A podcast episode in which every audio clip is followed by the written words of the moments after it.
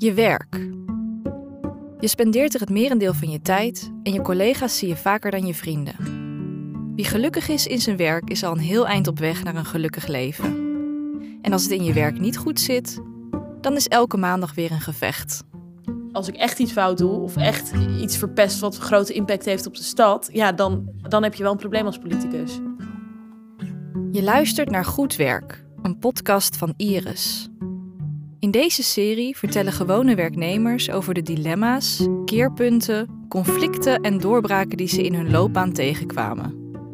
En hoe ze daarmee omgingen. In deze aflevering kritiek. Dit is het verhaal van Mikal. Mijn naam is uh, Mikal en ik ben uh, fractievoorzitter van de gemeenteraadsfractie van de PvdA in uh, Den Haag.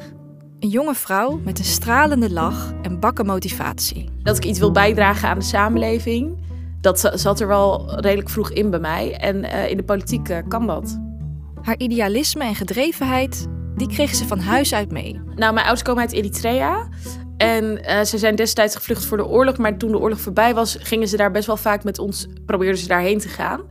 En als ik daar dan was, dan kon ik er gewoon niet bij dat mijn neefjes en nichtjes daar opgroeiden in armoede. En dat vond ik super oneerlijk. En ik begreep gewoon niet zo goed van ja, waarom hebben wij dat wel en zij dat niet? Daar begon het eigenlijk mee. Maar ik heb het ook wel echt van huis uit meegekregen. Mijn ouders zijn ook wel. Ik kom ook wel uit een idealistische familie. Dus uh, ja, in de oorlog hebben, heb ik ook familieleden die dan in het verzet gingen destijds tegen Ethiopië. Dus ik heb wel altijd meegekregen vanuit huis dat je wel iets moet doen met je idealen. En toen ik vijf of zes was, toen brak de oorlog in Eritrea nog een keer uit. En dat kan ik me wel heel uh, uh, levendig herinneren. De Nederlandse nieuwszenders deden niet heel veel verslag van. Dus mijn ouders keken heel veel naar de BBC. Be probeerden dan toch contact te krijgen met, met familie daar. En nou, na twee jaar was de, de oorlog weer voorbij. En ja, dan hoor je dus welke familieleden er niet teruggekomen zijn. Dat uh, hield mij toen wel heel erg bezig, ja. Dat weet ik nog wel. Ze beseft als geen ander hoe goed we het hebben hier in Nederland. Maar ze ziet ook dat niet iedereen hier gelijke kansen krijgt. Ik weet dat, dat uh, hier waar ik woon in de Schilderswijk kinderen niet altijd een eerlijk schooladvies krijgen. Uh, en dat ze op een lager niveau gezet worden dan dat ze eigenlijk ja, zouden moeten uh, hebben. Maar ja, ik had het geluk dat ik een leraar had die zich niet liet leiden door vooroordelen of de opleiding van mijn ouders of de achtergrond van mijn ouders. En ik mocht meteen naar het VWO. Ja, de, tuurlijk, hè, ik was slim genoeg voor, maar ik heb daar dus ook geluk gehad. Dus ik denk dat te veel in Nederland ook nog afhankelijk is van geluk hebben. Ja, en daarom ben ik de politiek ingegaan. De politiek is, dat merkt ze al gauw, een snelle wereld. En social media spelen daarin een grote rol. Ook in debatten, als er wat misgaat, maar ook als je het heel goed doet, verspreidt, dat zich heel snel op social media. Dus uh, dat heeft goede kant en slechte kant. Want als je het heel slecht doet, dan ziet, kan iedereen dat zien. Maar als je het heel goed doet, geeft dat je ook de kans om je te profileren. Dat brengt veel prestatiedruk met zich mee. Ik, ik droom wel vaak dat ik in de raadzaal zit, ja dat er dan uh, opeens heel veel boze mensen zijn of uh, dat soort dingen droom je wel eens, ja. Ik ben heel perfectionistisch. Maar bovenal is het ook dat ik denk, ja, uh, we zitten er in de politiek om mensen te vertegenwoordigen en het gaat ergens over. Namelijk over de mensen in de stad. Dus ik kan het me niet permitteren om een fout te maken. Het is voor mij, ja, jammer als ik een fout maak. Maar als, als ik echt iets fout doe of echt uh, iets verpest wat een grote impact heeft op de stad, ja, dan, is dat dan heb je wel een probleem als politicus. En dus dat is meer vanuit dat verantwoordelijkheidsgevoel. Dat je wil dat het goed gaat met de stad. Mikal en haar collega's hebben een heleboel mooie plannen voor de stad. Maar om die erdoor te krijgen, dat is vaak hard werken. Je ideeën worden pas aangenomen als je de helft plus één hebt. Dus je moet altijd polderen. En soms kijk, voor mijn gevoel denk ik dan, ja, waar gaat het over? Want soms gaat het echt over woorden en, en punten en komma's. Maar ja, als, als dat voor iemand de, een reden is om voor of tegen te stemmen, ja, dan is dat goed. Dan, doe ik dat, dan pas ik dat wel aan. Als ze een motie schrijft voor een Sinterklaas-intocht zonder zwarte pieten, gaan er dan ook veel uren zitten in de gesprekken met andere partijen. Ja, dat was wel moeilijk. Ja, ja. bijvoorbeeld liberale partijen komen heel vaak met het argument van ja, ik ben het er wel mee eens, maar uh, dat moet de overheid niet doen. Dat moeten mensen zelf doen. Om die mensen wel mee te krijgen, want die heb je nodig voor meerderheid, moet je dan soms iets afzwakken of iets verduidelijken wat, wat jij de rol van de gemeente vindt. Nou ja, ik heb wel zoveel onderhandeld over punten en komma's dat ik wel zetels ging tellen op een gegeven moment. Dus op een gegeven moment weet je dan wel van je hebt de meerderheid binnen. In de raadsvergadering, waar er over de motie gestemd gaat worden, kiest Mikal voor een persoonlijk betoog. Omdat ik de enige, uh, het enige zwarte raadslid ben in de Haagse Raad. En ik eigenlijk dus ook de enige was die kon meepraten over hoe het is als zwarte Nederlander om geconfronteerd te worden met Zwarte Piet. Ik vond het niet leuk, want ja, ik weet wel leukere onderwerpen om over te praten dan over racisme. Maar ik denk wel dat het uh, geholpen heeft om ja, om, om duidelijker te maken en inzichtelijker te maken wat, wat het met je doet om met zo'n uh, karikatuur geconfronteerd te worden als zwart persoon.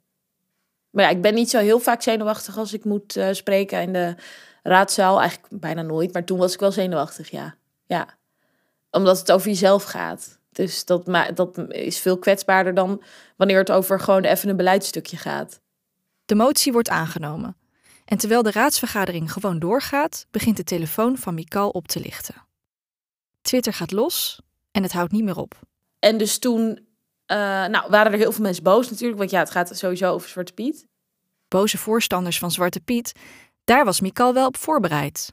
Maar wat ik niet had verwacht was dat er dus ook mensen boos waren die in eerste instantie ook gewoon voor het afschaffen van Zwarte Piet waren.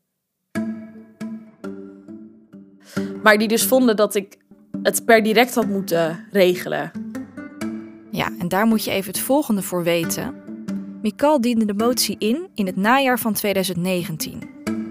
En omdat de voorbereiding voor de intocht van dat jaar al ver gevorderd was, zei de wethouder: daar kan ik niks meer aan veranderen. De eerste mogelijkheid om de intocht te veranderen is volgend jaar. Dus ja, ik dacht zelf, later verandering is beter dan geen verandering.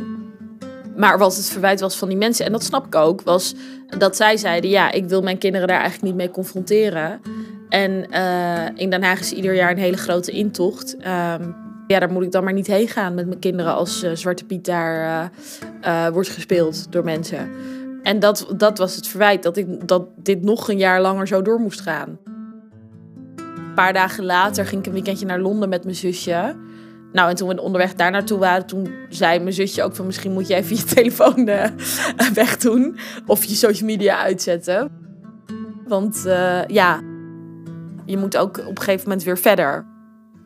Ja, je moet reacties soms wel lezen en dat doe ik ook vaak gewoon wel. Maar op het moment dat je in zo'n storm terechtkomt en dat mensen ook gewoon hele lelijke dingen over je zeggen.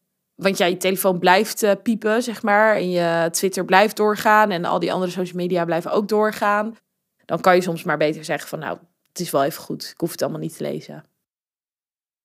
Ging ze twijfelen aan zichzelf? Uh, ja. Ja. Omdat ik wel echt dacht van oké, ik heb iets goeds gedaan.